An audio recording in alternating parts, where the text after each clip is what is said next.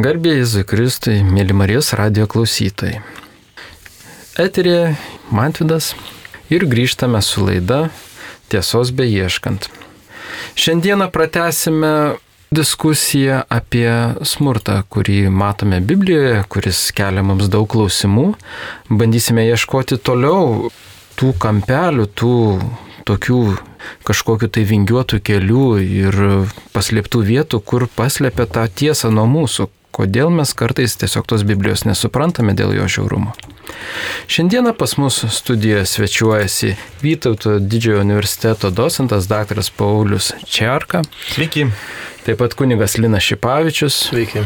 Ir Birutė. Sveiki. Bei Neringa. Sveiki. Ir bandykime tada ieškoti, kaip čia taip yra, kodėl tas smurtas yra pas mus Biblijoje.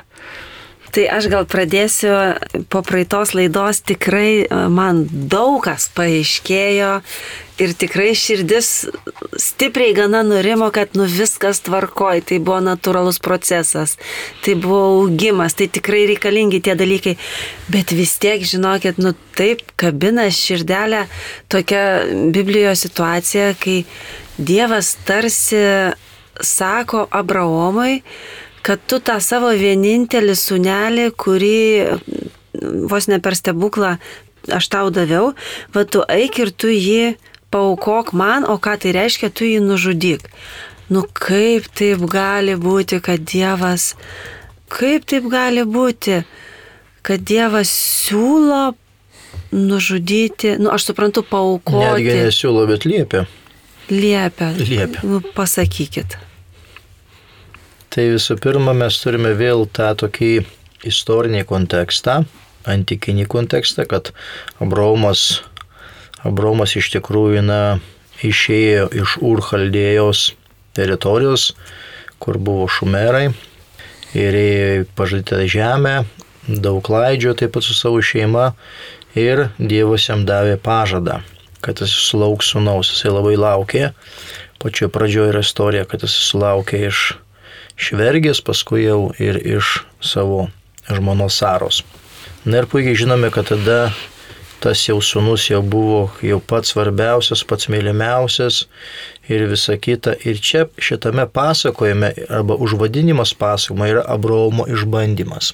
Dievas duoda arba siunčia Abraomo išbandymą, kad Abraomas, galima sakyti taip, kad sudėliotų vietas, kas kur yra, kurioje vietoje yra Dievas, kurioje yra vietoje šeima. Ir 22 skyriaus antroji lūtė Dievas taip sako, paimk savo sūnų, tęsė jis, savo vienturtį sūnų Izaoką, kurį myli, nueik į Morijos kraštą ir paukok jį kaip deginamą auką ten viename kalne, kurį tau nurodysi. Daugelis švento rašto komentatorių kalba, kad e, šitas būtent toksai polgis Abraomo, jis aišku yra įtakotas ir aplinkinių kultūrų, kur aplinkinėse kultūrose, aplinkinės tautose būtent aukodavo savo vaikus dievams.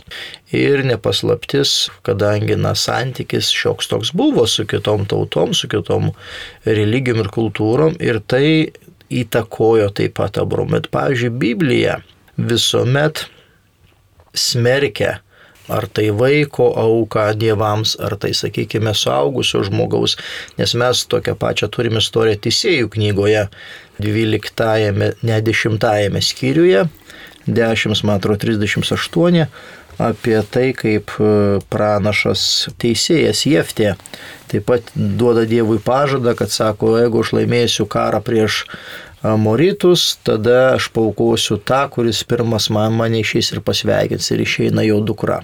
Ir jisai ištesi Dievo pažadą, kad jisai paukoja savo dukrą. Bet visose, visose kontekstuose būtent šitas veiksmas yra pasmerkamas. Ir mes matome, Abraomas tarytum čia parodomas kaip tiesų žmogus, jisai klauso Dievo, jisai eina į tą Morijos kalną su Izaoku, visa kita ir prieina prie to jau momento, prie aukos momento. Ir tada pamato Dievas jo tokį atsidavimą ir tada angelas sustabdo ir tada atsiranda auka ten avinas į ragais į krūmą įlindęs ir ten paukoja. Tai va čia tas va Dievo toksai išbandymas, kuris norėtų parodyti, ant kiek Abraomas yra atsidavęs viešpačių Dievui, ant kiek jisai E, gali peržengti tą savo žmogystę. Čia labai iš tikrųjų dabar interpretacija, aišku, Siuren Kirgigordas yra parašęs labai nuostabią knygą Baimė ir drebėjimas ir, ir, ir kiti, bet čia labai galima kalbėti dabar apie 21 amžių, kad sakykime, kada yra šeima, kada yra žmonės, kurioje vietoje yra tavo vaikas, ar jisai ant altoriaus yra, ar, ar Dievas ant altoriaus yra, o čia yra klausimas. Nes dažniausiai tai, kada žmonės turi vaikus, kada žmonės turi šeimą, tai tada jau tą altoriaus vietą užima vaikai, bet ne viešpas Dievas. Tai va čia irgi toksai yra aktualus šitas pasakojimas, nors jisai yra labai senas, bet jisai labai mums duoda na, tokį pagyvinimą. Tai šiai dienai klausant jūsų toks vaizdas, kad tada vaikai neturi būti aukščiau už Dievą. Nu, kad tavo gyvenimo tikslas nėra vaikai. O Dievas. Ir o santykis.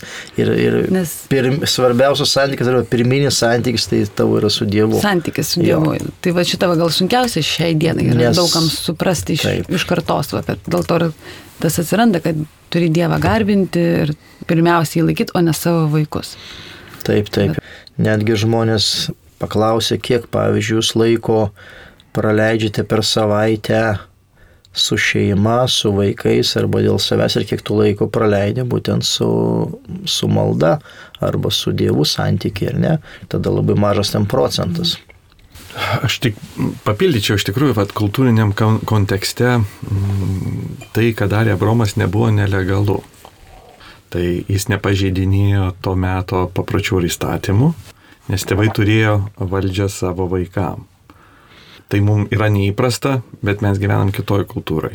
Tai irgi tą reikia imti domin, kad tai neprieštaravo to meto na, normoms. Mozė, Mozė iš ties įstatymė tikrai draudė bet kurias žmonių aukas ir mes to šventam rašte nu, matom tik neigiamą šviesoj, kaip faktiškai vykusi, bet niekada nesiūloma ar kviečiama dalyką. Izraelitai to nepraktikavo. Taigi šventas raštas tikrai mums neduoda to tokios kultūros propagavimo. Taip, Dievas tarytum unikalių būdų paprašo to iš Abromo, bet juk tai nevyko. Tai buvo tik išbandymo sena. Tai iš tikrųjų tikrovėje jis jos nepaukojo. Bet reikia dar paminėti, kad greičiausiai Izaukas jau buvo saugęs žmogus. Tai nebuvo prieš jo valią, ar ne? Jis sutiko būti supratęs, kas vyksta, jis tam neprieštaravo. Tai buvo laisvanoriškas jo sprendimas - paklūsti tėvui atsižvelgiant į jo amžių. Ir tai, kad jis neša pakuras, rodo, kad jis tą geranoriškai sutinka atlikti. Abromas buvo įsitikinęs, kad Dievas tikrai prikels paukotą sūnų. E, tai buvo jo nuostata, kad jei ir tektų jį paukoti, Dievas liks ištikimas pažadui suteikti sūnų ir tokiu atveju kito varianto nėra kaip e, logiškai tik tai prikelimas. Tai mes žinom, kad jis turėjo unikalų lūkesti, jog Dievas jį prikels ir jis tą prikelimo džiaugsmą vis tiek patiria tiesiog, kad jį aukoti nebereikia, žinant, kad iš esmės jis buvo tam pasiryžęs atlikti. Tai šiek tiek, na, papildomos tos aplinkybės ir, aišku, mes dažnai pykstame, tarytum Dievui priekaištavam, kodėl Dievas galėjo pareikalauti tokios aukos, bet čia to reikėtų prisiminti, kad jis pats tai savo sūnų paukoja už mus. Kristaus auka yra tarytum atlėpimas Abromo pasiryžimui ir kai tu žinai, kad tas, kuris atidavė savo sūnų tai tas paprašė iš Abraomo sūnaus, tada galbūt nėra tos tokio priekaišto, kaip jis drįso to paprašyti. Jis davė, na, irgi buvo pasiruošęs atiduoti tai, ko jis ir prašė. Ir, na, tokios papildymo atspalviai. Dabar tada gal pabandykim iš kitos pusės pasižiūrėti. Kaip ir yra šventam rašte rašo, kas keikia tėvą ir motiną, bus nubaustas mirtimi. Tai šiai dienai yra toks dalykas, kad ką daryti vaikui, kurį paliko tėvai. Mama, tėtis, nieks jau neaugino, kaip jis gali tada turėti ryšį ir, ir nepykt ant tėvų ir, ir tokią atrasti va tikėjimą ir jau, jau tikėti vėl tėčių mama, kad nebūtų nubaustas mirtimi. Čia tas terminas, aišku, keikia, jisai e, liečia šiek tiek daugiau negu tik nu, blogai kalba arba keikėsi, ar ne. Jis e, duotų atveju kaip pagarba. Mes sakom, kas gerbė tėvą ir motiną, vienas iš Dievo įsakymų, liečia ne šiaip tarytum elgsinos klausimą, bet visų pirma išlaikymą, rūpinimąsi ir pripažinimą tam tikro statuso. Taip, taip ir keikimas reiškia atvirkščią dalyką, kad nesirūpinimas, nepriežiūra, kitaip tariant, tai ne pats žodis dalykas, bet elgsena su tėvais. Ir tiesą pasakius, ir pagal civilinius įstatymus e, šiandien Lietuvoje vaikai privalo išlaikyti senatvėje tėvus, nors nėra pas mus atsakomybės už to nedarimą, tarytum tik teismas priteistų, bet buvo laikas, kai buvo na, tam tikros atsakomybės.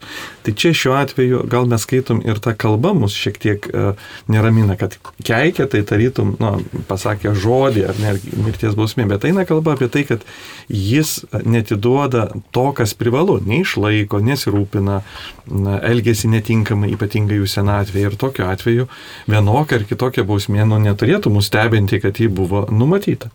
Mano daugiau klausimas buvo toksai, kad kaip dvasiškai nepykt ant tėvų. Vaikui. Taip, Biblija netraudžia pykti ant, Nes... ant, ant bet kurio žmogaus, kuris padarė tau neteisybę, tu esi žmogus ir natūraliai turi reaguoti, tai normali emocinė reakcija, bet nereikia tuo pykčiu gyventi. Tai šiuo atveju yra kaip yra. Mes galim turėti priekaištų ir tėvam, ir vaikam, ir bet kuriam kitam asmenu. Svarbu, kad tas neperauktų į kerštą arba į tam tikrus veiksmus, kurių nedėra atlikti. Nu, pačiam juos daryti arba pamiršti savo pareigas. Vien todėl, kad tu turi pretenziją galbūt kažkuriam asmeniui reiškia, kad tau nereikia savo skolų atiduoti. Tai nepanaikina, vienas kito nepanaikina. Biblija taip pat Naujam testamente kalba apie tokį įstatymą korban. Jeigu girdėjote, tai yra mėjiškas žodis, kad na, buvo privaloma išlaikyti, vad gerbti ir išlaikyti savo vaikus, tėvus. Ir būdavo taip, kad, tarkime, na, vaikai nenori išlaikyti savo tėvų ir tada visą savo ten turtą, pavyzdžiui, pavesdavo šventyklai. Ne, ir tada viskas gerai. Pavyzdžiui, Jėzus labai stipriai apie tai kalba Morkos Evangelija, ten, man atrodo, septintajame skyriuje yra būtent apie tą kalbėjimo būdą. Na gerai, čia aišku, bet truputėlį, žinokit, dar vis tiek man grįžta mintis apie tai, kad e, Senajam testamente vis tik tai Dievas skatina žmogžudystės. Ten jisai sako, užmušk jį akmenimis, nes jis tengiasi nuvilioti tave nuo viešpaties tavo Dievo, kuris išvedė tave iš Egipto žemės ir vergijos namų. Na ir ten pakartoto įstatymo čia knygoje, ar ne? Tai gerai, tai tarsi sako tiesiai šviesiai, užmušk. Bet tai kuom čia skiriasi nuo islamo? E, kuom čia skiriasi nuo kas vyksta dabar? Šiuo atveju jūs skaitote teisyną ir skaitote teisinę kalbą jinai yra, nėra adresuota individam, individui ar asmeniui, jinai adresuota yra visuomeniai. Taip, tai yra bausmės forma, jokių būdų joks atskiras asmuo nebuvo kviečiamas įvykdyti jokių bausmių. Kaip ir šiandien, jeigu mes paskaitytume baudžiamąjį kodeksą, ten būtų pasakyta tas, kas pagrobė ar pasisavino turtą, yra baudžiamas laisvės atimimu. Juk niekam nekyla minties pagrobti vagį, uždaryti savo namuose ir jį laikyti ir sakyti, aš perskaičiu baudžiamąjį kodeksą, ten pasakyta baudžiamas ar aš nubaudžiau. Mes suprantam, kad tai adresuoja ne man asmeniškai, bet visuomeniai, kuri turi teismų sistemą ir teisėjas jam skiria bausmę.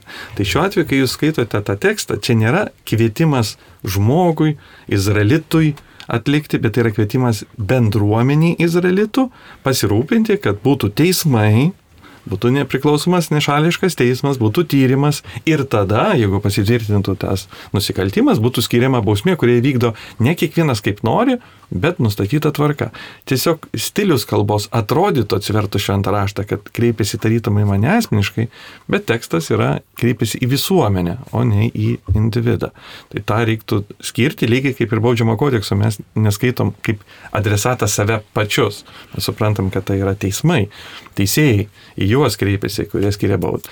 Na, kitas niuansas, kuris jūsų cituojama eilutė yra mūsų šiek tiek šokiruoja 21 amžiuje, yra tai, kad na, tikėjimo laisvės klausimas. Skirtingos religijos ir panašiai. Iš tikrųjų, senovėje nebuvo tikėjimo laisvės ir tai, tai ne tai, kad Izraelijos nebuvo, jūs niekur nebuvo. Tikėjimas buvo laikomas viešų dalykų ir valstybės tam tikrų pamatų.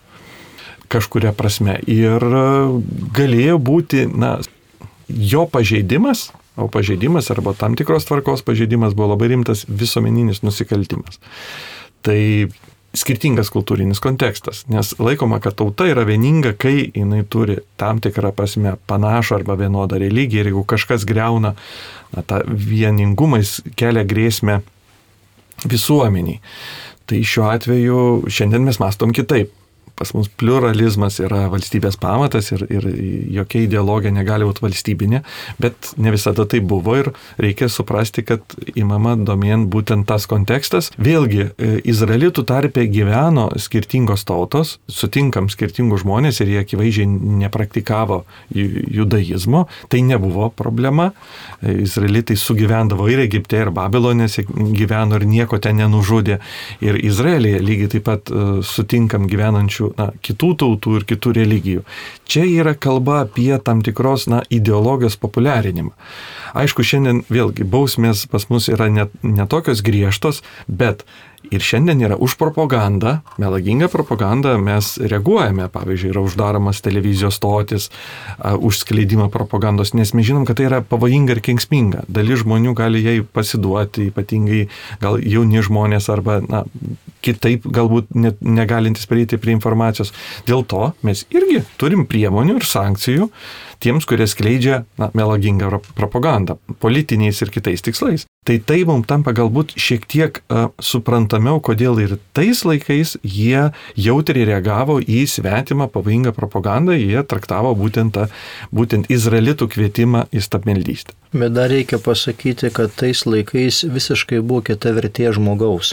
Mes dabar tai, na, žmogus, sakykime, nuo pat vaikysės, kūdikystės e, stengiamės visą kitą. Tais, tais laikais, jeigu pažiūrėkime, pažiūrėjau, Aleksandras Makedonietis mirė 32 metų. Turėjo aštuonis mokytus, tarp jų ten buvo Aristotelis ir, ir visi kiti. Ir jisai sulaukė 32 metų, jisai miršta, ar ne? Tais laikais mirtis tai buvo natūralus procesas. Ir žmonės mirdavo gan jauni, netgi būdami karaliais.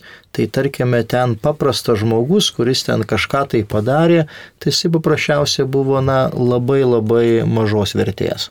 Ten vergas tiek, tiek buvo vertas, sakykime, pinigų 30 ten sidabrinių arba 30 auksinių. Kitas žmogus ten, kad ir jisai buvo laisvas, bet jisai na, nebuvo tokio, tokio, to kaip mes dabar čia vat, iškėlėme XIX amžiuje tą humanizmą, kad žmogus yra čia pasaulio centras. Antais laikais nieko nebuvo, jeigu ten didžiausi karaliai, didžiausi karvedžiai, jie paprasčiausiai žūdavo ten kare ar mūšį ir tai buvo natūralus dalykas. Nors pagalvos, kiek jos būdavo investuota, turėdavo išmokti. Arba žiūrėkime Spartos istoriją, arba ten, tarkime, ten Egipto istorija, kiek žmonės lavindavosi, treniruodavosi, visa kita, visa kita, ir jie miršta ten 30 metų, tenai nesulaukia 30 metų. Tai dabar prie tos pačios jūsų temos, kad kaip ir Dievas atrodo Biblijoje mėgaujasi smurtu, tyčiasi žmonių kančios ir, kaip jisai sako, nepraudoti ir nepalaidoti, jie gulės kaip mėšlį dirbams pratešti. Kalavijas ir badas juos sudoros, jų lavonais mis padangių paukščiai ir laukų žvėris. Dar teko skaityti, kad kas prie lavono prisilies septynias dienas, jie Nešvarus. Ne, nešvarus bus ir taip toliau. Tai skamba labai, labai kažkaip, nu, nekrikščioniškai. Na, tai yra to meto kultūros e, išraiška. E, čia, citavote, tai turbūt yra tam tikras, na, bausmės kažkokios, tai, sakykime, jau atspindys, nes e, žmonės arba tauta, kuri ten e, kažką tai blogai padarė, jie gaus tokias tokias konsekvencijas. Taip pat tauta, pavyzdžiui, pasižiūrėkime, Izraelio tauta, kuri nusisuko nuo viešpaties dievo, bet pradėjo tarnauti arba pradėjo garbinti kitus dievus. Kas su ta tauta vykdavo, su Izraelio tauta? Jie automatiškai e, patekdavo ar į Sirijos nelaisvę, ar tai į Babilonijos nelaisvę, ar tai Graikijos nelaisvę, ar tai į Romos imperijos nelaisvę. Tauta, kuri padarė tam tikrą, na, klaidą arba nuodėmę, jinai turėdavo už tai E, gauti tas konsekvencijas. Tai va čia irgi, sakykime, pas pranašus ypatingai, kad jūs nesilaikėte mano įstatymų, jūs busite nukariauti, jūs busite išvaryti į nelaisvę, jūsų kaulai bus nepalaidoti, mėtysis kažkur tai laukuose, arba gali būti ta kalba ir apie priešus. Tai yra būtent, na, tokios realybės, kokios tuomet, na, autorius matė, tas, kuris surašė švento rašto tekstą, jisai būtent tas realybės matė. Tai jūsų klausant, gaunasi tame, kad tu, jeigu gyveni nedorai, tau atlygis yra per tavo kūną, tavo tada bus kūną valgys paukščiai, taip išeina, kad tai yra kaip atpildas, vis tiek kažkada tau bus už tą tavo blogį. Mes nežinom to atpildo, Nes- kokį Dievas tau parinks šiuo metu. Nes taip klausant jūsų, Bet- kai sakot, kurie va tikėjo kitų dievų, jie tada buvo jų kaulai palaidoti, išmėtyti, vadinkim, tai Tai buvo akcentuojama pati, pati didžiausia nuodėmė stabmeldystė arba garbinimas e, kitų dievų. Tai yra pati didžiausia nuodėmė Sename testamente, netgi didesnė už žmogžudystę, už, už sakykime, paleistuvystę ten ir visus kitus dalykus. Ir, ir sakykime, na, biblinis autorius akcentuodavo. Tai taip ir gaunasi, kad jisai, tai Dievas, jisai sako, jis, kas laukia jūsų po to. Numato, jis Numato, sako, jeigu numato. jūs taip pasielgsite ar ne, Taip. tai va jums bus tas ir tas. Tas. Tas jau toks pedagoginis, pedagoginis, na, kalbėjimo būdas. Bet Izraelio tauta, aišku, kartais jinai išgirzdavo, ar tai per pranašus, ar tai per teisėjus. Ir to dalyko nedarydavo, bet, pavyzdžiui, pasižiūrėkime, pavyzdžiui, tas Babilonijos nelaisvė, kada Izraelio tauta papuola Babilonijos nelaisvę, 50 metų trunka. Tai kas buvo, nu tai atėjo bab- babiloniečiai, visus miestus sugriovė, įsivaizduoju iki to momento, kad pavyzdžiui, namus sugriovė, medžius išrovė ir miestus visus užpylė smėliu kad e, sugrįžęs Izraelitas į savo gimtąją šalį, jisai net nieko neatsimintų, nieko. Karaliui iš- išdūrė akis, ten kitus irgi sužalojo Izraelio, tai tai va tokia, tokia buvo, kaip sakoma, nu realybė. Ir, ir biblinis autorius va tame gyveno. Mums dabar tai yra labai žiauru, ar ne? Labai. Labai žiauru. Bet tai tada dar truputėlį mano mintis tada sukasi į tą vergovės realybę. E, Atrodo, kad tada Biblija skatina vergovę, nieko nesako, ne, nepasako, kad reikia išlaisvinti tuos vergus. Ojei. Matot, mes sakom vergovė, dažniausiai mūsų e, sąmonė iškyla vaizdai iš vergų Amerikos plantacijose, filmų, paprastai pa- scenos knygų. Tai ta vergovė, kurią mes sutinkame senovės Romoje ir senovės Izraelyje, na, nėra tokia žiauri, kokia jinai buvo Amerikos plantacijose. Va, tai žodis tas pats, bet tai nereiškia, kad tai yra visiškai tas pats reiškinys. Izraelitai, jie, jie negalėjo gyventi visiškai kitaip negu to meto standartai, bet ir jų vergovė buvo palyginta pakankamai unikali. Tai ji buvo ribota laike a, iki septynių metų. Nebuvo tokios, e, žmogus nebuvo daiktas, jis liko asmeniu, jis turėjo tam tikras teises e, ir e, šeimos teisės ir, ir panašiai. Tai nors mes verčiam tą žodį vergas, bet tai nėra toks pat vergas, kaip gali mums kilti, na, sakykime, tose plantacijose išnaudojami žmonės. Tai viena. Antra, na, turim suprasti, kad Dievas ateina ten pa žmonės, kuris jos randa, jų kultūrinėm įsivystymė tokiam, kokiam yra. Ir pradeda dirbti su tuo, ką turi.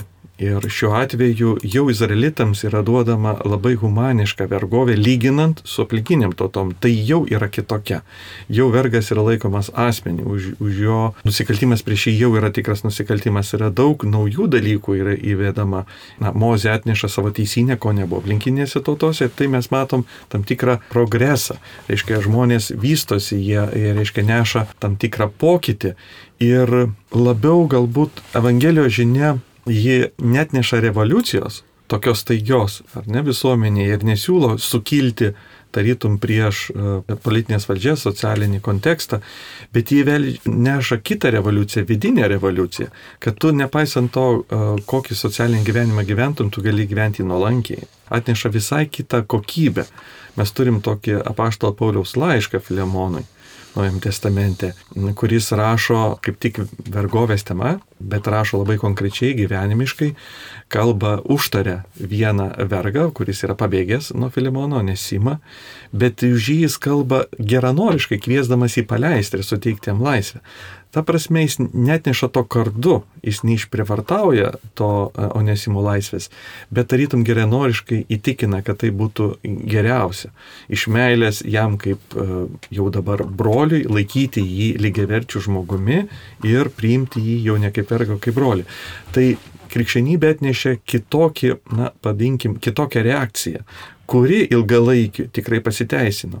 Mes turim tikrai istorijoje ne vieną maištą, vergų sukilimą, bet ar tai pakeitė istoriją? Ne, viskas grįždavo atgal. Krikščionybė priešingai, jį brendo, brendo, nuolat kritikuodavo vergovės tikrovę.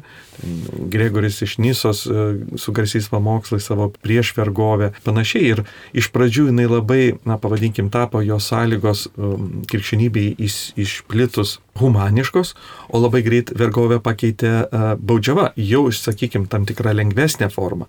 Tai vėlgi krikščionybės įtakoje.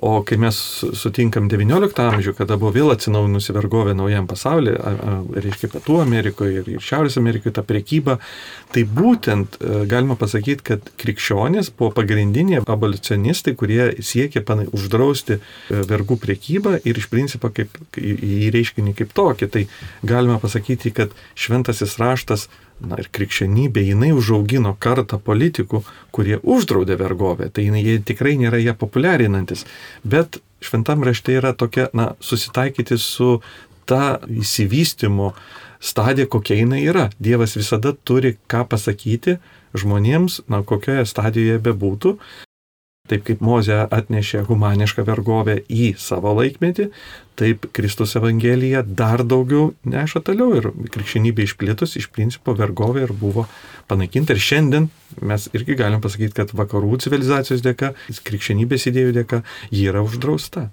Ji yra uždrausta, bet dėja realybė tokia, kad na, yra ten prekyba žmonėmis ir ta tokia neoficiali vergovė vis tiek Deja, bet yra, ar ne?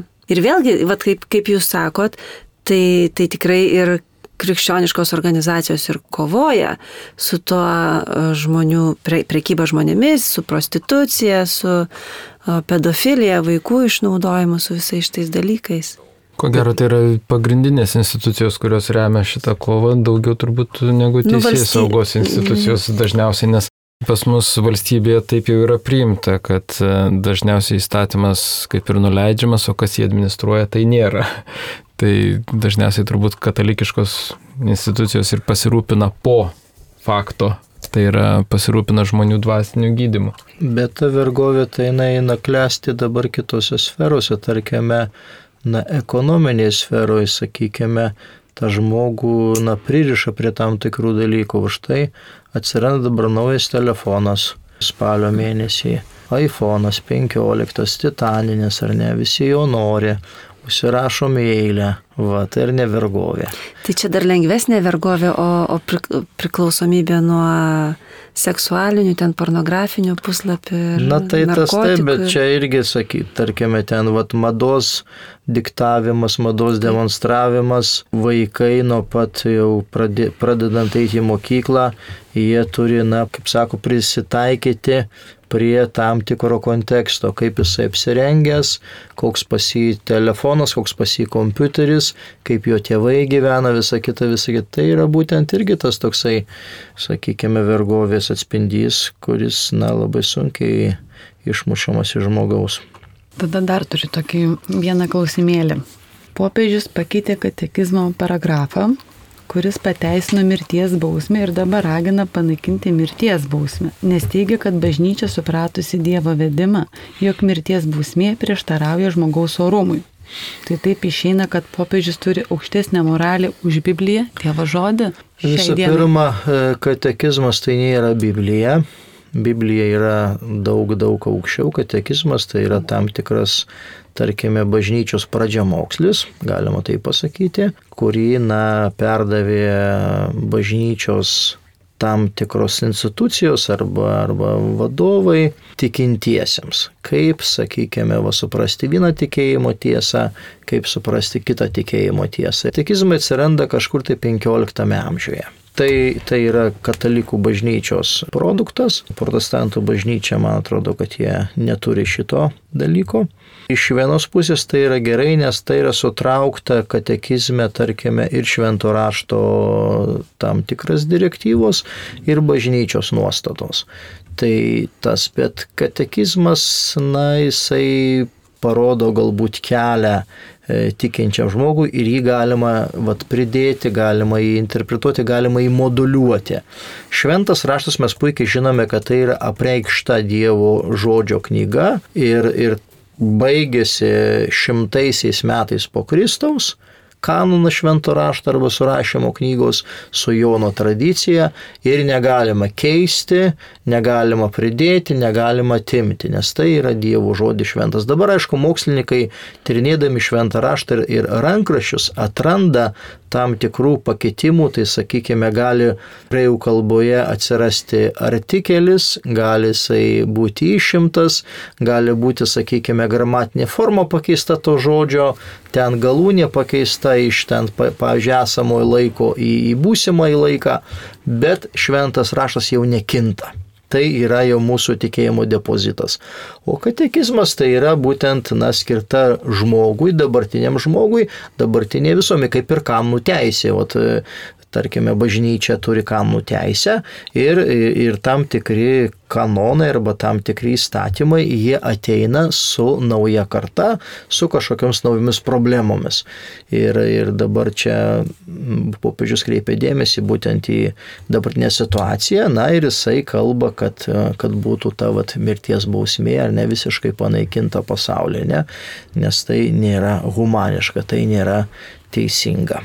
Bet tada ką daryti tokiu atveju, kai žmogus atima kitam žmogų gyvybę ir paskui nueina į kalėjimą ir išeina anksčiau, kaip dabar buvo ta istorija, kur mergina jauna užkapojo draugės ir viena išėjo į laisvę ir dirba, gyvena ir jai gyvenimas nepakito. Ir va, tai vykogi diskusija visose interneto platybėse. Tai kur teisybė tada? Na, o mes norime tos teisybės, o kaip akis už akį, dantis už dantį, ar ne? Mes norime. Jo, kaip šventame rašte. Ir vat mūsų tose giliai kauluose, smegenyse, va tas va yra, bet e, aš galvoju, kad tarkime, na jau žmogaus nuteisimas ir žmogus atbuvimas įkalinimo vietoje, tai yra jau jam atiduota ta, ta sakykime, na, teisingumas išpildytas to žmogaus atžvilgiu. Aišku, mes ne, nesugražinsime to žmogaus, kuris jau yra nužudytas, ar ne, mes jo neprikelsime iš numirusiųjų, bet, na, buvimas įkalinimo vietoje tai yra atgailos laikas, atgailos forma, pasitaisimas, e, dirba specialistai, kurie, na, žiūri to žmogaus pokytį, jo tą, sakykime, formavimąsi, jo, jos ten tą mąstyseną. Ir aišku vis laiką visuomenė yra gailestinga, kuri duoda žmogui šansą, kad vat, tu padarėjai blogą darbą, tu už tai, na, atkentėjai, tu ten buvai izoliuotas nuo visuomenės, nuo šeimos, nuo, nuo viso gyvenimo, dabar vėl, vėl tau yra šansas duotas, kad tu toliau vėl gyvensi visuomenė. Tai...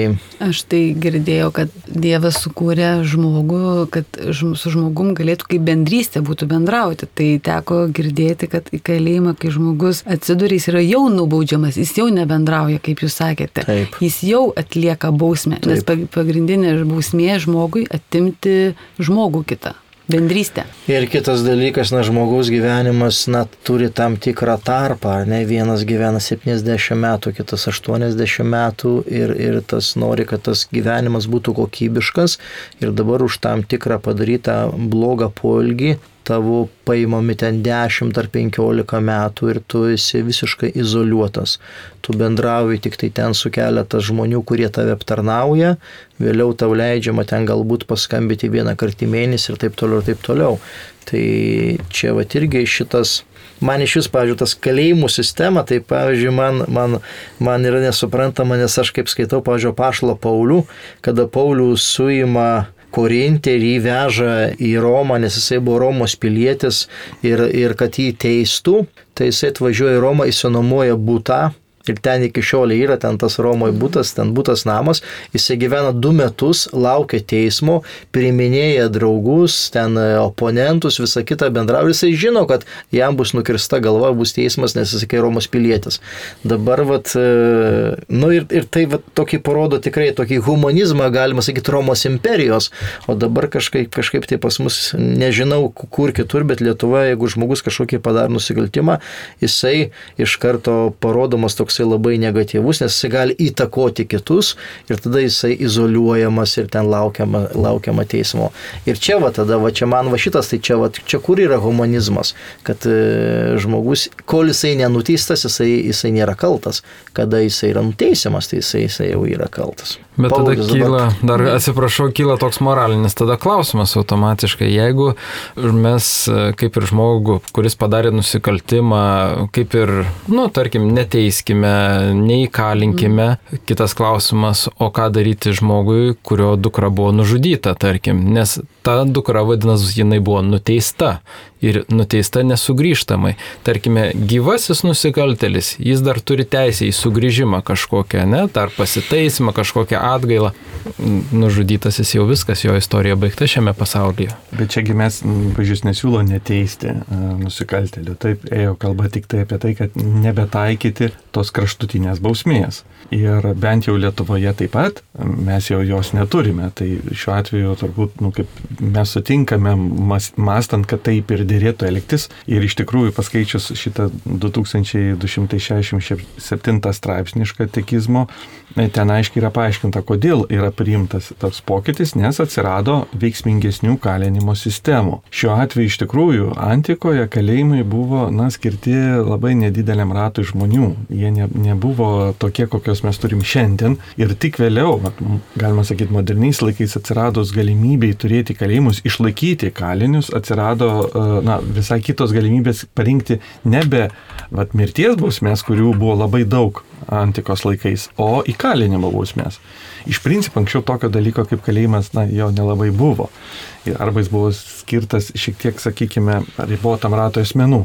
Iš tos pusės bažnyčia tikrai neragina neteisti žmonių, bet jie sako, kadangi šiandien visos valstybės gali išlaikyti kalėjimus ir, ir gali kalėjime, sakykime, dirbti su žmogumi ir netgi ir kai, kada žmogus išeina iki gyvos galvos nuteistas kalėjime dėl tam tikro elgseno, reabilitacijos ir kitų programų, na, jeigu tai viskas suveikia kaip užmanyta, tai jis išeina pasikeitęs. Nu, toks yra tikslas. Šiuo atveju bausmę skiria juk ne auka, bausmę skiria visuomenė. Auka gauna kompensaciją už patirtą žalą, o skola prieš visuomenę yra, na, sakykime, tas mm, bausmės keliu. Taip kad čia šiuo atveju mes kalbam galbūt apie tai ir gal dar mažas korekcija dėl katekizmo. Mm, Iš tikrųjų, protestantai e, turi katekizmą ir e, krikščien, e, nu, pasakykime taip, krikščionybėje katekizmai atsirado nuo pat pradžios, bet jie buvo nu, tam tikrų mokymo išdėstymo kelių. E, Su reformacija, Liuterio katekizmu, ir lietuviai turime mes pirmąją knygą, Martino Mažėdo katekizmas atsirado mums galbūt įprasta katekizmo forma. Klausimai atsakymai ypatingai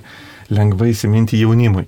Kai yra klausimas, atsakymas, klausimas, atsakymas. Šiandien jau galbūt vėl atsirado kitų formų, jau jaunimo katekizmai nebėra tokie klausimai, atsakymai, bet ilgą laiką, bet nuo 16 amžiaus mm, reformacijos įtakoje atsirado ne katekizmas atsirado, bet katekizmo mums galbūt kažkiek įprasta to klausimo atsakymo forma ir čia irgi nu, reiktų pasakyti, kad tai va, tas kultūrinis buvo momentas, kai atsirado tokio tipo katekizmai. Jie, aišku, perteikė tikėjimą, tai yra iš tikrųjų bažnyčia jį tikslina ir, ir koreguoja, dėl to popžius natūraliai turi teisę katekizmą koreguoti, bet čia nėra na, revoliucija, tai yra tiesiog progresas. Jeigu anksčiau bažnyčia laikė, kad mirties bausmė absoliučiai išimtinis dalykas, dabar yra žingsnis toliau ir sakom, tos išimties jau nebereikia. Bet katekizmas iš tikrųjų jis eina sutraukia tokią sintezę, tarkime, ir šventų rašto, ir bažnyčios, e, sakykime, poziciją. Tai jisai yra aktualus iki šioliai tas dabar mūsų didysis e, katalikų bažnyčios katekizmas, jisai prie jo buvo daug dirbta ir, ir, ir išversta į daugelį kalbų ir į lietuvių kalbą. Tai jis yra aktualus. Jis yra aktualus ir jis yra atnaujinamas. Tai yra vienas iš tokių pagrindų, kad, kad tikinti žmogus turi turėti pas save namuose katekizmą. Tai klausant šiai dienai, tai mes turbūt gyvenam geriau negu tada, kai buvo Biblijos tie visi laikai. Nu, ge- Nes mes prieinam prie humaniškumo, daugiau atleidimo kažkokio ir paliekam turbūt Dievui spręsti, taip klausant. Šiandien susidarau tokią nuomonę. Kalbant dar apie tos kalėjimus, o kaip Paulius sakė, tai, e, na, pirmaisiais amžiais, kaip jau Evangelija paplito ir ten yra, yra šventam rašte kalbėjimas, kad aplankyti lygo tą kalėjime esantį, dėl ko buvo akcentuojama, nes dažniausiai kalėjo už tikėjimą, būdavo suimami pirmieji krikščionys, bet problematika buvo ta, kad tarkime tais laikais, jeigu tave pasodindavo kalėjimą, tave kalėjimas nemaitindavo. Ir tarkime tada, jeigu tau net neš artimieji tau maisto, tai tu paprasčiausiai numirsi. Va. Dėl to Evangelijoje krikščionis skatindavo aplankyti kalinį. Ar ne, kuris, kuris kali dėl, dėl liūdėjimo, dėl, dėl, dėl to, kad jisai paliūdėjo Kristų arba jisai yra krikščionis. Šiais laikais, na, va, kaip Paulius sąja, kad valstybė geba e, išlaikyti ir, ir to nereikia. O gal reiktų apmastyti dar tą klausimą.